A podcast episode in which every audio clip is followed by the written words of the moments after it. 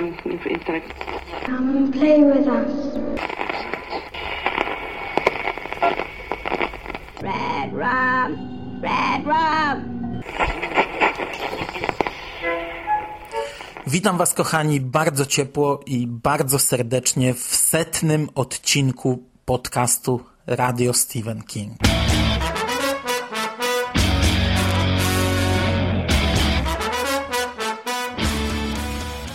A skoro stuknęła nam setka, to wypadałoby zrobić jakiś wyjątkowy temat odcinka.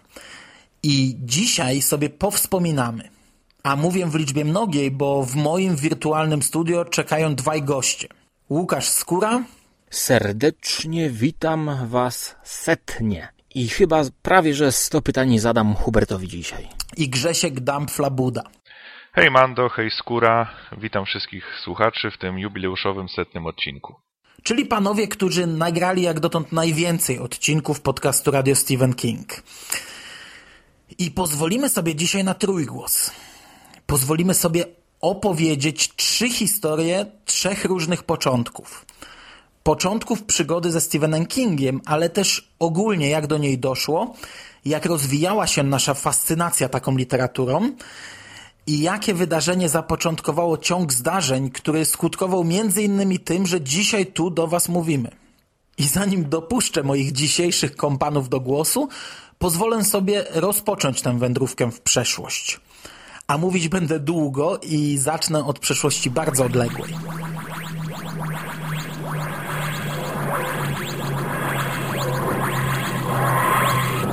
Moje zainteresowania są jakąś tam wypadkową tego, co w młodych latach wpajali mi rodzice.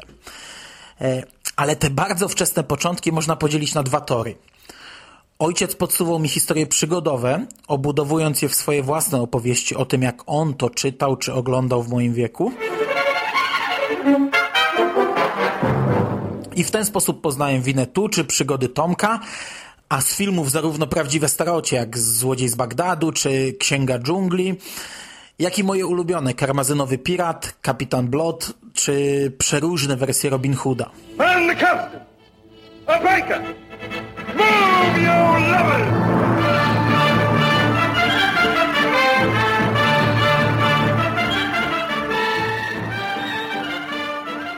Z drugiej strony jednak, moja rodzina od zawsze gustowała w opowieściach tajemniczych. Moja mama podsuwała nam kryminały, które w książkowej wersji ja tylko liznąłem, czytając jeden czy dwa tomy pana samochodzika, e, bo w tamtym wieku mm, ja byłem trochę czarną owcą w rodzinie i nie bardzo się garnąłem do książek, ale moja siostra od najmłodszych lat chłonęła jak gąbka Chmielewską czy Agatę Christie. Całą rodziną siadaliśmy jednak do filmowych kryminałów. Wielu słuchaczy Radia SK może nie pamiętać tych czasów, gdy w telewizji były tylko dwa kanały, jedynka i dwójka. E, I dwójka miała taki cykl czwartkowych kryminałów. Czasem oczywiście były to jakieś tandetne seriale sensacyjne, jak Policjanci z Miami czy Dempsey Makepeace, ale w tym paśmie leciał też Kojak czy Colombo i pewnie wiele innych, które już mi wyleciały z pamięci.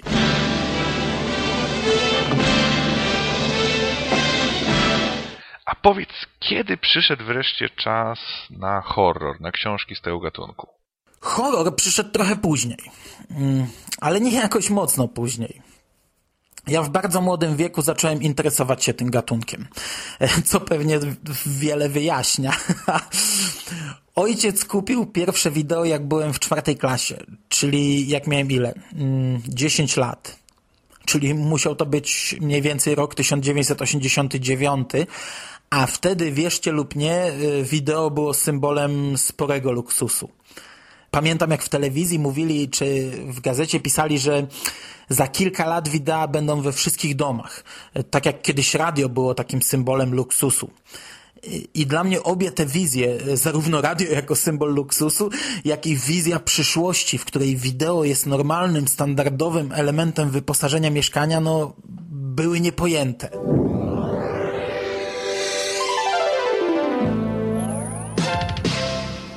Na początku oczywiście nie miałem wielkiego dostępu do horrorów i oglądało się to, co udało się nagrać z kina nocnego, którego nigdy niestety nie mogłem oglądać w telewizji.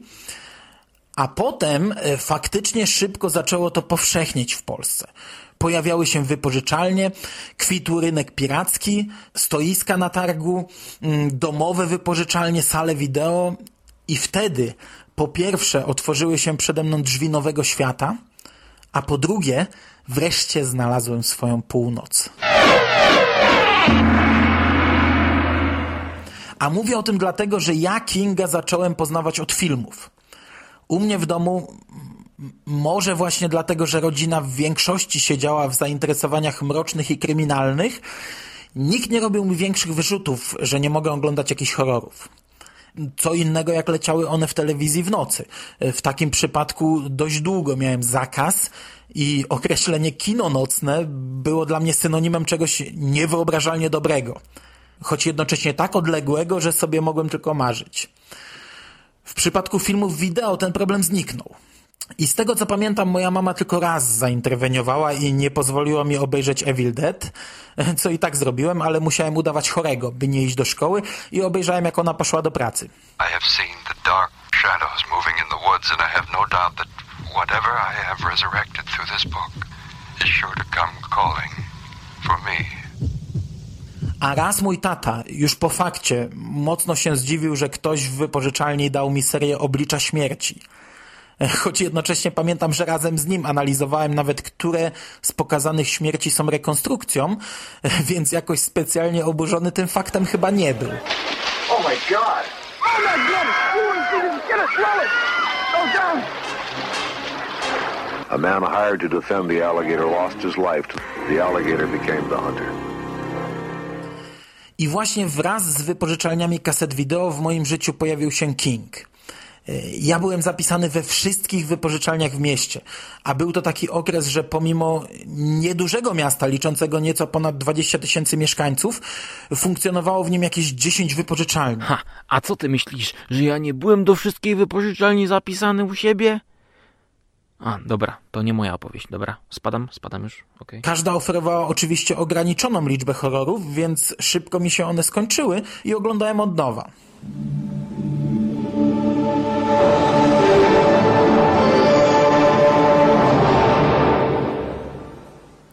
Tak na szybko opowiem jeszcze dwie anegdotki, co by nakreślić, jakim dzieciakiem byłem w latach dziewięćdziesiątych.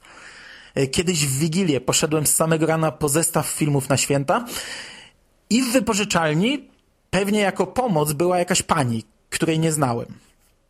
Ona stoi przede mną, a ja głośno się zastanawiam. Nie pamiętam, jakie dokładnie filmy wybierałem, ale brzmiało to mniej więcej tak. E, poproszę Koszmar z ulicy Wiązów e, i teksańską masakrę piłą mechaniczną. W koło same rodziny wybierają bajeczki o reniferach i bałwankach. Pani uśmiecha się i mówi na święta do dwóch filmów trzeci gratis. Może komedia jakaś? Eee, ee, nie. To da mi pani jeszcze wysłannika piekieł. Innym razem, dla odmiany po świętach, nie mogłem sam odnieść filmów, to wysłałem koleżankę. I potem koleżanka mi mówi, mm, wchodzę do wypożyczalni, mówię, że przyniosłam filmy za kolegę. Podaję numer, a pan zaczyna, o, jaki to jest fajny chłopak. Taki miły, kulturalny dzieciak. A w międzyczasie tam przesuwa paluchami po kartkach klientów i dalej swoje. Jaki to fajny dzieciak. Po czym zatrzymuje się na moim numerze, milczy chwilę. A nie, to ten od horrorów. No nie, no ten też jest fajny. No i mniej więcej tak to wtedy wyglądało. Duży podzbiór horrorów dostępnych w wypożyczalniach był oznaczony nazwiskiem Kinga. Więc gdzieś tam sobie zapisałem w głowie, że taki człowiek istnieje. A zabawne jest to, że ja początkowo strasznie nie lubiłem jego filmów. W każdym, na jaki trafiłem, pojawiały się jakieś tandetne gumowe stwory, a ja w młodym wieku celowałem w trochę inne filmy i paradoksalnie zacząłem utożsamiać zły horror z nazwiskiem Stephena Kinga.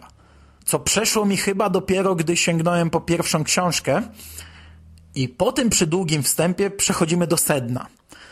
Chociaż zanim sięgnąłem po literackiego Kinga, przeszedłem bardzo wybuchowy romans z literackim horrorem ogólnie. No a powiedziałbyś, jakie inne książki w tamtym czasie czytałeś? Wiesz co, ja literackim horrorem i w ogóle książkami nałogowo zacząłem się interesować w pierwszej połowie lat 90. To był przełom mojej szkoły podstawowej i liceum. Nie pamiętam dokładnie, czy w ósmej klasie już namiętnie wszedłem w książki z tego gatunku, ale na pewno całe liceum wspominam właśnie jako ciągłe odkrywanie nowych, wielokrotnie strasznie kiczowatych pisarzy tworzących w tym gatunku. Ja bym mógł o tym okresie opowiadać godzinami, także jakbym odpływał, to mnie proszę sprowadzać na właściwe tory. Kto w tamtych latach choć trochę interesował się tym tematem, ten wie, że lata 90. w Polsce to jest literacki horrorowy boom. Dziesiątki, setki tytułów wyrastających jak grzyby po deszczu, a wszystko dostępne wszędzie i za grosze. W każdej miejscowości wypoczynkowej przez całe lato ustawiało się kilka straganów, oferujących całe stosy horrorów od Amberu, od Phantom Press y, i pewnie jeszcze od kilku mniejszych, nieistniejących już wydawnictw. Pamiętam takie wakacje, na których postanowiłem sobie kupować przynajmniej jedną książkę dziennie. I po tych ośmiu tygodniach nad morzem wróciłem do domu bogatszy o jakieś 70 nowych tytułów. To były wtedy groszowe sprawy. Y, książki miały dwa podstawowe formaty i ten mniejszy kosztował złoty 70, a większy 2,50, co było nawet wtedy śmieszną ceną. King był trochę droższy y, i może dlatego nie garnąłem się od razu do niego. Najpierw na kilogramy chłonąłem Grahama Mastertona, Jamesa Herberta czy masakrycznie kiczowatego Gaia N. Smitha i to byli wtedy moi czołowi autorzy.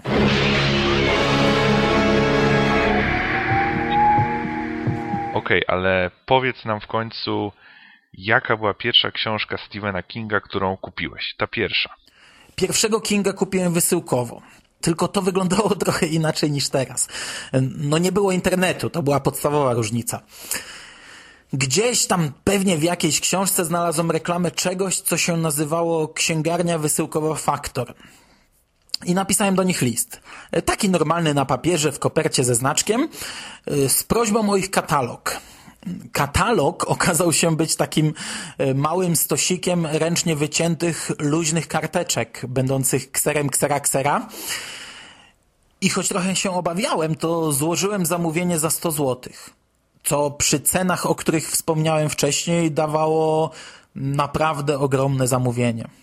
Czekałem na nie kilka miesięcy i myślałem już, że mnie oszukali, ale pewnego dnia przyszedł karton książek, taki jak od telewizora. I w tym sporo Kingów, które, tak jak wspomniałem, były nieco droższe. Trzy tomy to po 15 zł, dwa tomy Christine za szóstkę, Talizman w dwóch tomach za 7,50, ale było też amberowskie miasteczko Salem za złoty 80. I to właśnie od tej książki rozpocząłem swoją przygodę z Kingiem. E, oczywiście cena złoty 80 nie wzięła się z kapelusza i nie znam nikogo, komu ta książka nie rozkleiłaby się po pierwszym czytaniu. No ale dlaczego akurat tę książkę wybrałeś z dziesiątek innych tytułów Kinga? Dlaczego akurat to cię tak zaintrygowało, żeby sięgnąć po wówczas zupełnie nieznanego ci pisarza? No, wiesz co, ja już wtedy zdawałem sobie sprawę, że King nie będzie typowym pisarzem horrorów, z jakimi miałem wcześniej do czynienia. A ja wtedy łykałem horror na potęgę i to w takich skondensowanych, tandetnych, kiczowatych dawkach. Miasteczko Salem wydawało mi się idealne na start, e, bo wiedziałem, że jest to horror. No dobra, to też było horrorem, ale Młokos, który łyka książki wielkością i poziomem zbliżone do harlekinów, był raczej lekko przerażony powieścią, której objętość przekracza tysiąc stron. Poza tym pamiętajmy, że ja widziałem już dużo filmów Kinga. Ja już wcześniej oglądałem to, Christine czy Miasteczko Salem i wiedziałem, że to Salem wpisuje się najlepiej w moje ówczesne gusta. No i nie pomyliłem się. Choć i tak wydawało mi się wtedy, że jest to niesamowicie ambitna książka, w której akcja rozwija się przez jakieś 170 stron. A to objętość, na której wszyscy znani mi wtedy autorzy horroru mm, zdążyliby już zacząć drugi tom z nową obsadą, bo pierwszą by już całą wyrżnęli. Ben Mears has been away too long. And now at last he's come home to Salem's Lot. E, czy ktoś z twoich znajomych e, wokoło czytał Kinga i polecał ci go, czy byłeś taką czarną owcą, odkrywcą może bardziej tego pisarza w swoim środowisku? Jezu, i to jest znów wątek, o którym mógłbym nagrać osobny odcinek. Yy, znów trzeba wyraźnie zaznaczyć jedną rzecz. Wtedy nie było internetu. To jest zupełnie inny świat. Wtedy nie było nawet komputerów. Czyli był to świat dla wielu słuchaczy niewyobrażalny. Wszelkie dyskusje na temat zainteresowań, yy, znajdywanie ludzi o podobnych zainteresowaniach wyglądało całkowicie inaczej niż teraz. W ósmej klasie podstawówki i w pierwszej liceum bardzo mocno trzymałem się z kolegiem Krzyśkiem, który chodził do innej klasy zarówno w podstawówce, jak i w liceum, ale też czytał horrory. E, choć akurat znaliśmy się zanim zaczęła się ta pasja, e, ale to była pierwsza osoba, z którą mogłem pogadać o książkach i horrorach. Z tym, że on akurat nie bardzo był przekonany do Kinga, e, ale ja wtedy też nie. Pomiędzy podstawówką a liceum, nad morzem, w Chłopach, poznałem trzy osoby. Anitę, Toudiego i Dorotę. Mm, to była rodzina, rodzeństwo i kuzynka, którzy podzielali moje zainteresowania i spędziliśmy razem świetny wspólny tydzień. Oni słuchali panka, ja słuchałem panka. Oni lubili horrory, ja lubiłem horrory. Oni uwielbiali Kinga, ja czytałem chłam. A do Kinga nie dałem się niestety przekonać, ale udało im się zakorzenić gdzieś tam w mojej głowie, by kiedyś wziąć i Kinga na celownik. Strasznie miło wspominam tych ludzi. Mówiłem już o nich w podcaście o Krainie Wiecznego Szczęścia i cholernie mnie to bawi, że osoby w wieku 13-14 lat, prawie 20 lat temu, przez tak krótki okres tak mocno wpłynęły na moje życie, nie zdając sobie nawet z tego sprawy. I wreszcie trzecią osobą, która przekonała mnie do Kinga był kolega Marcin z klasy, z liceum. Ja przez całą pierwszą klasę obracałem się wśród zamkniętej grupy znajomych i dopiero pod koniec roku i na początku drugiej klasy zacząłem tak na dobrą sprawę poznawać innych ludzi, z którymi potem związałem się na długie lata. Jeden z nich okazał się fanem horrorów, fanem Drakuli, wampirów i właśnie miasteczka Salem. I tak bardzo polecał, no, że wreszcie przeczytałem. I myśmy po prostu o tej książce potem rozmawiali i rozmawiali. Pamiętam, że mieliśmy kilka swoich ulubionych scen, ale fragment, w którym jeden z braci Glick puka w okno innego chłopca, Marka, e, no to było coś, co nas wtedy tak fascynowało, że gdybym teraz miał zrobić jakiś swój własny ranking ulubionych scen z Kinga, to ta znalazłaby się na pewno w ścisłej czołówce. Za tamte emocje, które jej wtedy towarzyszyły.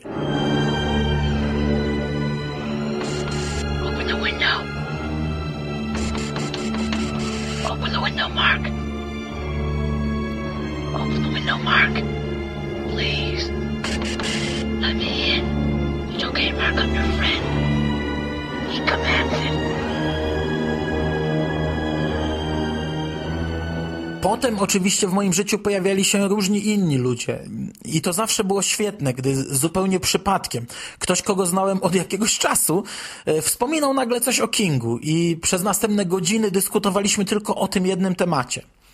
Tego typu spontaniczne reakcje i relacje między ludźmi zmieniła dopiero era internetu. Ale to przyszło dużo, dużo później. Moja przygoda z Kingiem zaczęła się w 1994 roku i zaczęła się właśnie od miasteczka Salem. Stephen King, the best-selling author of Carrie and The Shining, takes you on a startling journey to Salem's Lot. Czy to była taka fascynacja, że zupełnie nie czytałeś nic innego i wszystkie poprzednie nazwiska, które lubiłeś, to poszły w niepamięć? No właśnie na początku nie. E, Tak jak już powiedziałem, dla mnie wtedy King był jakąś tam wyższą ligą horroru. A ja miałem bardzo duże zapotrzebowanie również na ten prosty, krwawy horror z najniższej ligi. Oczywiście ja zakochałem się w miasteczku Salem. Ta książka mnie zauroczyła, ale nadal wracałem do trzęsawiska Gaja N. Smitha, e, nadal mierzyłem się z Sabatem, czy z krabami, z dzwonami śmierci, czy szatańskim pierwiostkiem. Stopniowo pomiędzy ten chłam wplatałem kolejne Kingi i kolejne i w końcu zacząłem czytać głównie Kinga, aż po latach doszedłem do takiego etapu, że czytałem tylko Kinga. Teraz jest trochę inaczej. Praca nad tym podcastem niejako zmusza mnie, bym co jakiś czas czytał ponownie jakiegoś Kinga, ale poza premierami nie sprawia to już takiej przyjemności. Co ciekawe, po 20 latach wracam jakby do punktu wyjścia. Z ogromnym sentymentem wspominam to, jaką radość sprawiał mi wtedy tandetny horror w czystej postaci. I niestety wiem, że już nigdy nie będę umiał czerpać przyjemności z takiego Gaia N. Smitha, a wiem to na pewno, bo ze dwa lata temu sprawdziłem to na własnej skórze. Ale od jakiegoś czasu zbieram się na przykład, by przeprosić się z Mastertonem, którym zaczytywałem się dawniej, a później wyszydzałem go na forach internetowych jako prostego wyrobnika literatury niższych lotów. Czerpię ogromną przyjemność z odkrywania nowych na naszym rynku nazwisk, e, takich jak choćby Jack Ketchum czy Edward Lee, którzy przecież też nie piszą książek z najwyższej literackiej półki, a po prostu doskonale bawią się horrorem, czyli gatunkiem, z którym King wziął już mm, może nie tyle rozwód, co długą separację. I to by było na tyle, jeśli chodzi o historię mojego pierwszego razu, okraszoną wieloma dygresjami na temat moich początków z fascynacją całym gatunkiem i ogólnie literaturą. Bardzo dziękuję, że sprowadzaliście mnie na właściwe tory, a cała opowieść nabrała formatu wywiadu. A teraz ja i myślę, że nasi słuchacze również z przyjemnością posłucham, jak to było w waszym przypadku. I zaczniemy od kolegi Skóry. Oddaję ci głos, Skóra. No, ciekawe to, co powiedziałeś, jednak w moim przypadku było zupełnie inaczej. Nie wiedzieć czemu, zawsze fascynowały mnie te filmy, na których oglądanie miałem zakaz, czyli tak zwane filmy dla dorosłych. Oczywiście mówię tutaj o, o horrorach, thrillerach i wszystkich obrazach, po których dziecko nie mogłoby zasnąć. Zastanawiało mnie i fascynowało, jakież to straszne okropieństwa mogą czyhać na małego Łukaszka i przed jakim to widokiem moi rodzice chcą mnie ochronić. Przyszedł taki czas, że rówieśnicy oglądali filmy, oglądali seriale w telewizji wieczorami i w podstawówce na drugi dzień były rozmowy.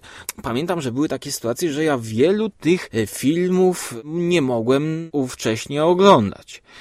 Był to problem, no poważny, poważny, naprawdę, no naprawdę był to poważny problem, ale jak udało mi się wybrnąć? Otóż w mojej rodzinie Miałem, w skrócie y, rzecz ujmując, kuzyna, który horrorem się interesował, fascynował, najbardziej chyba lubił ten gatunek.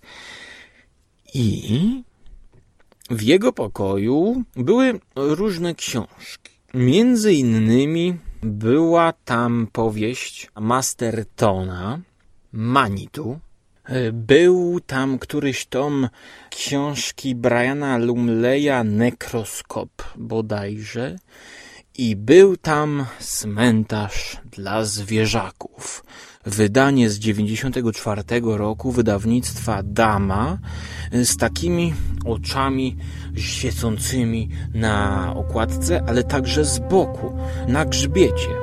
Za każdym razem, kiedy siadałem w tym pokoju, to widziałem, jak te oczy kota na mnie patrzą, tak jakby coś chciał, żebym szynki im rzucił. No i właściwie nie wiedzieć czemu, akurat ta okładka mnie zaciekawiła i zafascynowała, mm, chociaż pamiętam tę okładkę Manitu, jakiś taki wóz, jakiś człowiek, wojownik, takie czerwono-pomarańczowe kolory, ale zapytałem odnośnie tej książki Cmentarz dla zwierzaków.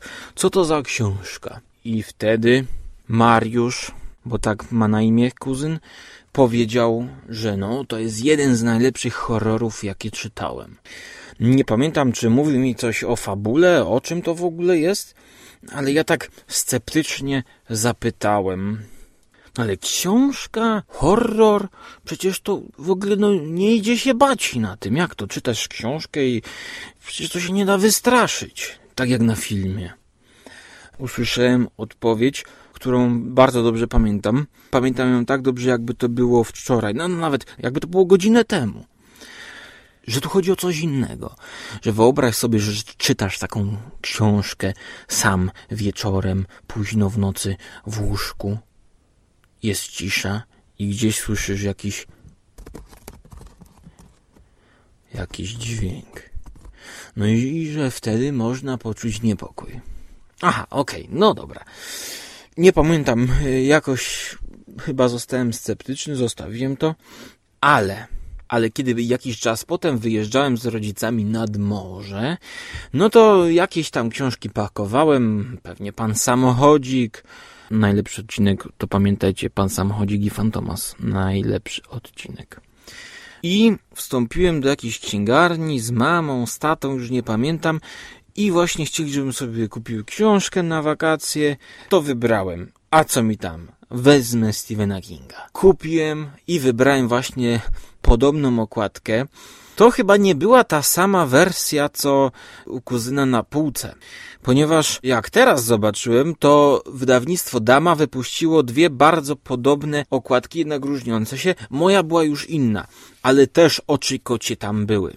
A propos kotów, to właśnie yy, mam kota, nawet dwa koty. Jeden chciał coś do was powiedzieć, ale niestety zasnął. No, one tak mają, że długo lubią spać. No i niestety, no, bardzo mi przykro. I zacząłem czytać tę książkę nad morzem, już dokładnie gdzie, niestety nie pamiętam. Bardzo mi się podobała. I nawet jak teraz przeglądałem sobie tę opowieść, to zobaczyłem podkreślony fragment. I posłuchajcie, co też mnie wtedy tak bardzo się spodobało. Weźcie pod uwagę, że właśnie to był ten ekwiwalent horroru i masakry, której ówcześnie nie mogłem zobaczyć na ekranie telewizora.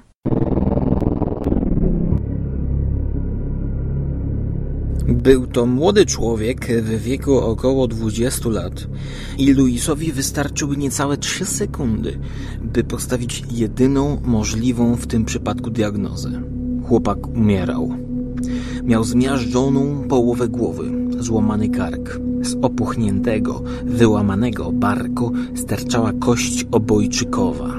Krew i żółty niczym ropa płyn wyciekały z głowy na dywan. W miejscu, gdzie czaszka została strzaskana, Louis widział białoszary, pulsujący mózg. Zupełnie jakby wyglądał przez wybite okno. Otwór w czaszce miał około 5 cm średnicy. Gdyby ranny miał w środku dziecko, mógłby wydawać je na świat niczym Zeus Ateny. Największe jednak zdumienie budził fakt, że chłopak jeszcze żył. Nieoczekiwanie zabrzmiał Luisowi w pamięci głos Juda Crandala. Czasami ugryzła cię w dupę. I głos jego matki. Śmierć to śmierć. Poczuł nieprzepartą ochotę do śmiechu. W porządku, śmierć to śmierć. Potwierdzasz to, bracie. Największe jednak zdumienie budził fakt, że chłopak jeszcze żył.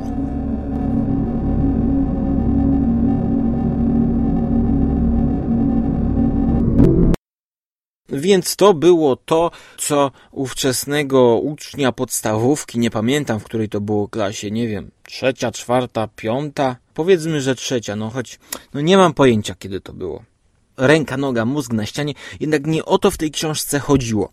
Bardzo dobrze pamiętam początek, wstęp, w którym King pisał o tajemnicy, jaka łączy i dzieli życie i śmierć. Pisał on o książkach, które zostały napisane o różnych znanych postaciach, takich jak Bob Dylan, Errol Flynn, Gandhi, Napoleon itd., tak itd. Tak Ale pisał też o ludziach, którzy nie napisali żadnej książki o tym, czego dokonali i co widzieli.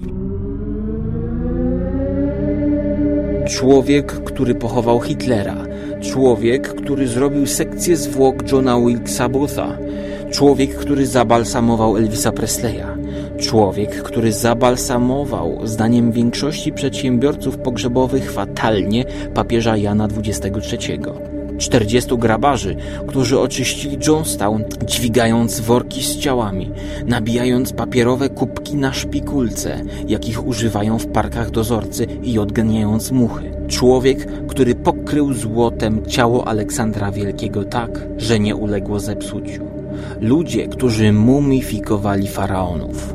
Śmierć jest tajemnicą, a pogrzeb sekretem.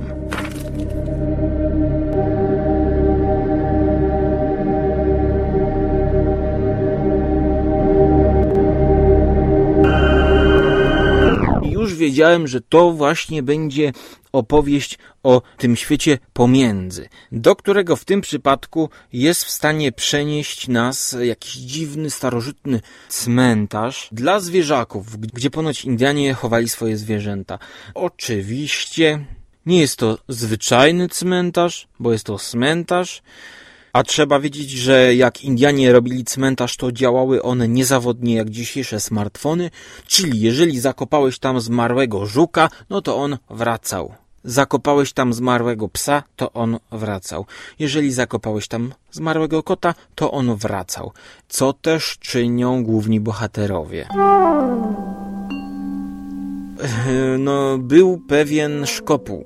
Te zwierzaczki, które wracały, no to one już nie były tak sympatyczne jak dawniej. I to właśnie było najlepsze w tej książce. Ja wtedy nie miałem żadnego zwierzaka, nie opiekowałem się żadnymi pupilkami. Wtedy można było powiedzieć, że pierwszy raz poznałem zombiaki. Tutaj chodzi oczywiście o zombiaki zwierzęta. Stworzenia, które wracają po śmierci z grobów do życia, no i psocą, psocą.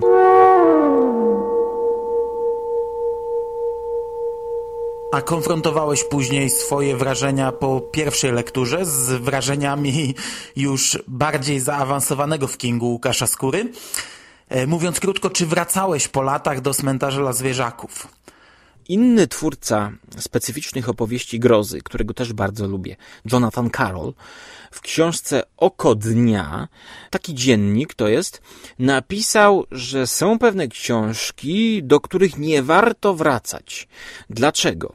Ponieważ przeczytane w danym momencie życia są właściwie najlepiej odebrane przez nas wtedy. Jeżeli byśmy do nich wrócili, to moglibyśmy zepsuć cały czar, cały efekt, który książka przeczytana za pierwszym razem na nas wywarła. Ja właśnie tak myślę o książce Cmentarz dla zwierzaków. Obawiam się, że jeżeli teraz bym wrócił do niej, no bo to jest King z początku lat 80., że mógłbym mieć jakieś zastrzeżenia. Dlatego ja na razie do tej książki nie wracam. Oczywiście film na jej podstawie też później oglądałem, no ale nie wywarł na mnie aż takiego wrażenia, jak wtedy, kiedy moja wyobraźnia, właśnie kiedy czytałem to sam w łóżku wieczorem, późnym wieczorem, działała i słyszała już nie wiem, czy oczyma wyobraźni, czy rzeczywiście gdzieś tam jakiś kot skrobał, żeby mu podać miseczkę mleczka. Tak więc to jest moja historia. A teraz ja sam jestem bardzo ciekawy, od czego zaczął nasz kolega Grzegorz Labuda. Dobre pytanie, gdyż u mnie tak naprawdę były takie dwa prawdziwe początki. Pierwszy wiąże się z emisją na antenie telewizyjnej jedynki, bodajże w piątkowe albo sobotnie wieczory, serialu Szpital Królestwo.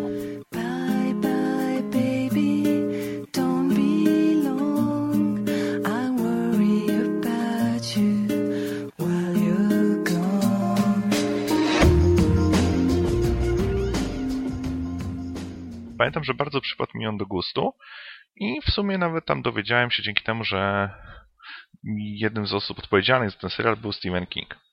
Jakiś czas po emisji tego serialu e, otrzymałem książkę w prezencie, zresztą bardzo miłym. E, książka to było właśnie Szpital Królestwo, dzienniki Eleanor Drus. Przyznam się szczerze, że byłem na 200% przekonany, że autorem tej książki jest Stephen King. Co prawda na, ani na okładce, ani stronie tytułowej nie było na ten temat informacji, ale jakoś tam skojarzenia z serialem mm, wiązały się z tym, że autorem tej książki musiał być w moim, moim przekonaniu King i po prostu nie było innej opcji. No, trochę się zawiodłem na tej lekturze, gdzie trochę oznacza bardzo, gdyż w moim odczuciu była ta książka bardzo słaba. I o ile serial do dzisiaj bardzo lubię i nawet w zeszłym roku go sobie ponownie obejrzałem w całości, to o tle książkę uważam za rzecz no tak słabą, że aż nie warto o niej mówić. I to byłby ten taki pierwszy nietrafiony początek. Drugi był już o wiele lepszy.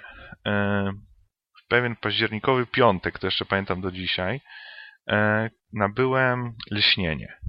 Stwierdziłem, o, chcę przeczytać akurat tę książkę, wiedziałem o tym filmie, wiedziałem o, o adaptacji Kubrickowskiej, widziałem ją wcześniej, dlatego mm, postanowiłem przeczytać książkowy pierwowzór. Przyznam się szczerze, że Lśnienie czytane te prawie 5 lat temu mocno mnie wciągnęło i bardzo mi się spodobało. Jednak gdybym obecnie oceniał mój stosunek do tej książki, to byłby on co najwyżej średni. No nie okłamujmy się, nie jest to najlepszy King. Jest to co najwyżej taka śred, średnia pozycja, którą można przeczytać, no bo jest jakiś tam niby klasykiem w jego wykonaniu, ale no nie ma co tu się za dużo nad nią rozwodzić. Niemniej jednak parę miesięcy po tej lekturze przeczytałem mm, Cmentarz dla zwierzaków i to już był strzał w dziesiątkę. Generalnie ta książka mnie totalnie wkręciła w swoją atmosferę, swój klimat i była niezwykle udanym, już takim prawdziwym startem z twórczością Stephena Kinga w moim wykonaniu. Stephen King's all-time best-selling tale of horror. Cemetery. A powiedz jeszcze, jak to było u ciebie z podcastingiem? E, z naszej trójki ty póki co nagrywasz najmniej. Mm, Skóra poza radiem SK robi kombinat, nagrywa do Karpiowego i jeszcze prowadzi swoją audycję, audycję Skóry, plus oczywiście jakieś tam gościnne występy. E, Ja to samo, poza audycją Skóry. Ty nagrałeś kilka podcastów dla Radia SK i póki co jeden samodzielny Karpiowy. Jak to zainteresowanie u ciebie się zaczęło? No bo zaczęło się też od Kinga i Radia Stephen King. Pamiętam, że jakoś w lipcu albo w sierpniu 2011 roku Mando na forum Gotham Cafe napisał, że bardzo fajnie byłoby nagrać jakiś duet. Yy, jeśli ktoś miałby chętnie jakiś pomysł na audycję, to żeby, żeby napisać. No to wtedy spontanicznie dosyć napisałem do niego, może byśmy zrobili wspólne nagranie, właśnie taki duet na temat książki To. Yy, Prawda jest taka, że zbiegły nam się bodajże chyba 4 miesiące, zanim żeśmy się ugadali na nagranie tego odcinka. I tym, co najbardziej teraz pamiętam z tego nagrywania jest to, że mój pierwszy mikrofon no, był takiej jakości, że mieliśmy pogłos jakbym siedział w kanałach pod dery, ale to taki mały smaczek tak naprawdę teraz mi się z tego zrobił. Natomiast y, bardzo miło wspominam wszystkie audycje, które nagrywałem razem z Mandem, które czasami cechowały się wielką spontanicznością, jak chociażby nasze nagrywanie Wielkiego Marszu, na który umawialiśmy się chyba dwie sekundy. Stwierdziliśmy, że nagrywamy i już. Ogółem muszę przyznać, że 100 odcinków wzbudzi respekt. Nie znam się aż tak bardzo na polskich podcastach, no na podcastach w ogóle, ale liczba ta robi wrażenie i sądząc po tempie i zaangażowaniu chłopaków, tu mówię właśnie o Hubercie i o Łukaszu, że no wydaje mi się, że następne 100 odcinków pęknie i będziemy niedługo mogli świętować mm, dwusetny odcinek. No mam nadzieję, że w tej następnej setce znowu się parę razy poudzielam, te słowa głównie kieruję do Manda, że może byśmy tak nagrali ten duet o Szpitalu Królestwo w końcu, bo też go tak chyba już pół roku odwlekamy. No właśnie, dobre pytanie. Hubert, kiedy nagrywamy Mroczną Wieżę i Rękę Mistrza? No... Ech. Aha, to nie mój segment. Dobra, idę już, idę. Ale to chyba tyle, tak jeśli chodzi o moje wspomnienia z początkami z podcastem. Na koniec tego odcinka chciałem nalać sobie setkę mocy w płynie i wznieść toast za kolejne lata z Radiem SK. Ale niestety, jestem na antybiotykach i taki wyczyn mógłby się dla mnie skończyć źle. Pozostaje mi tylko pożegnać się i podziękować bardzo mocno za te 100 wspólnie spędzonych piątków. Dziękuję wszystkim tym, którzy co tydzień czekają na kolejny odcinek i mam nadzieję, że jeszcze wiele takich wspólnie spędzonych piątków przed nami. My tymczasem żegnamy się na dzisiaj. Do usłyszenia, trzymajcie się, a w komentarzach piszcie, bo jesteśmy ciekawi, jaka była pierwsza książka Kinga, którą przeczytaliście wy. Wszystkiego najlepszego chłopaki z okazji setnego odcinka. No i do usłyszenia z wami oraz ze słuchaczami. Cześć! Do usłyszenia.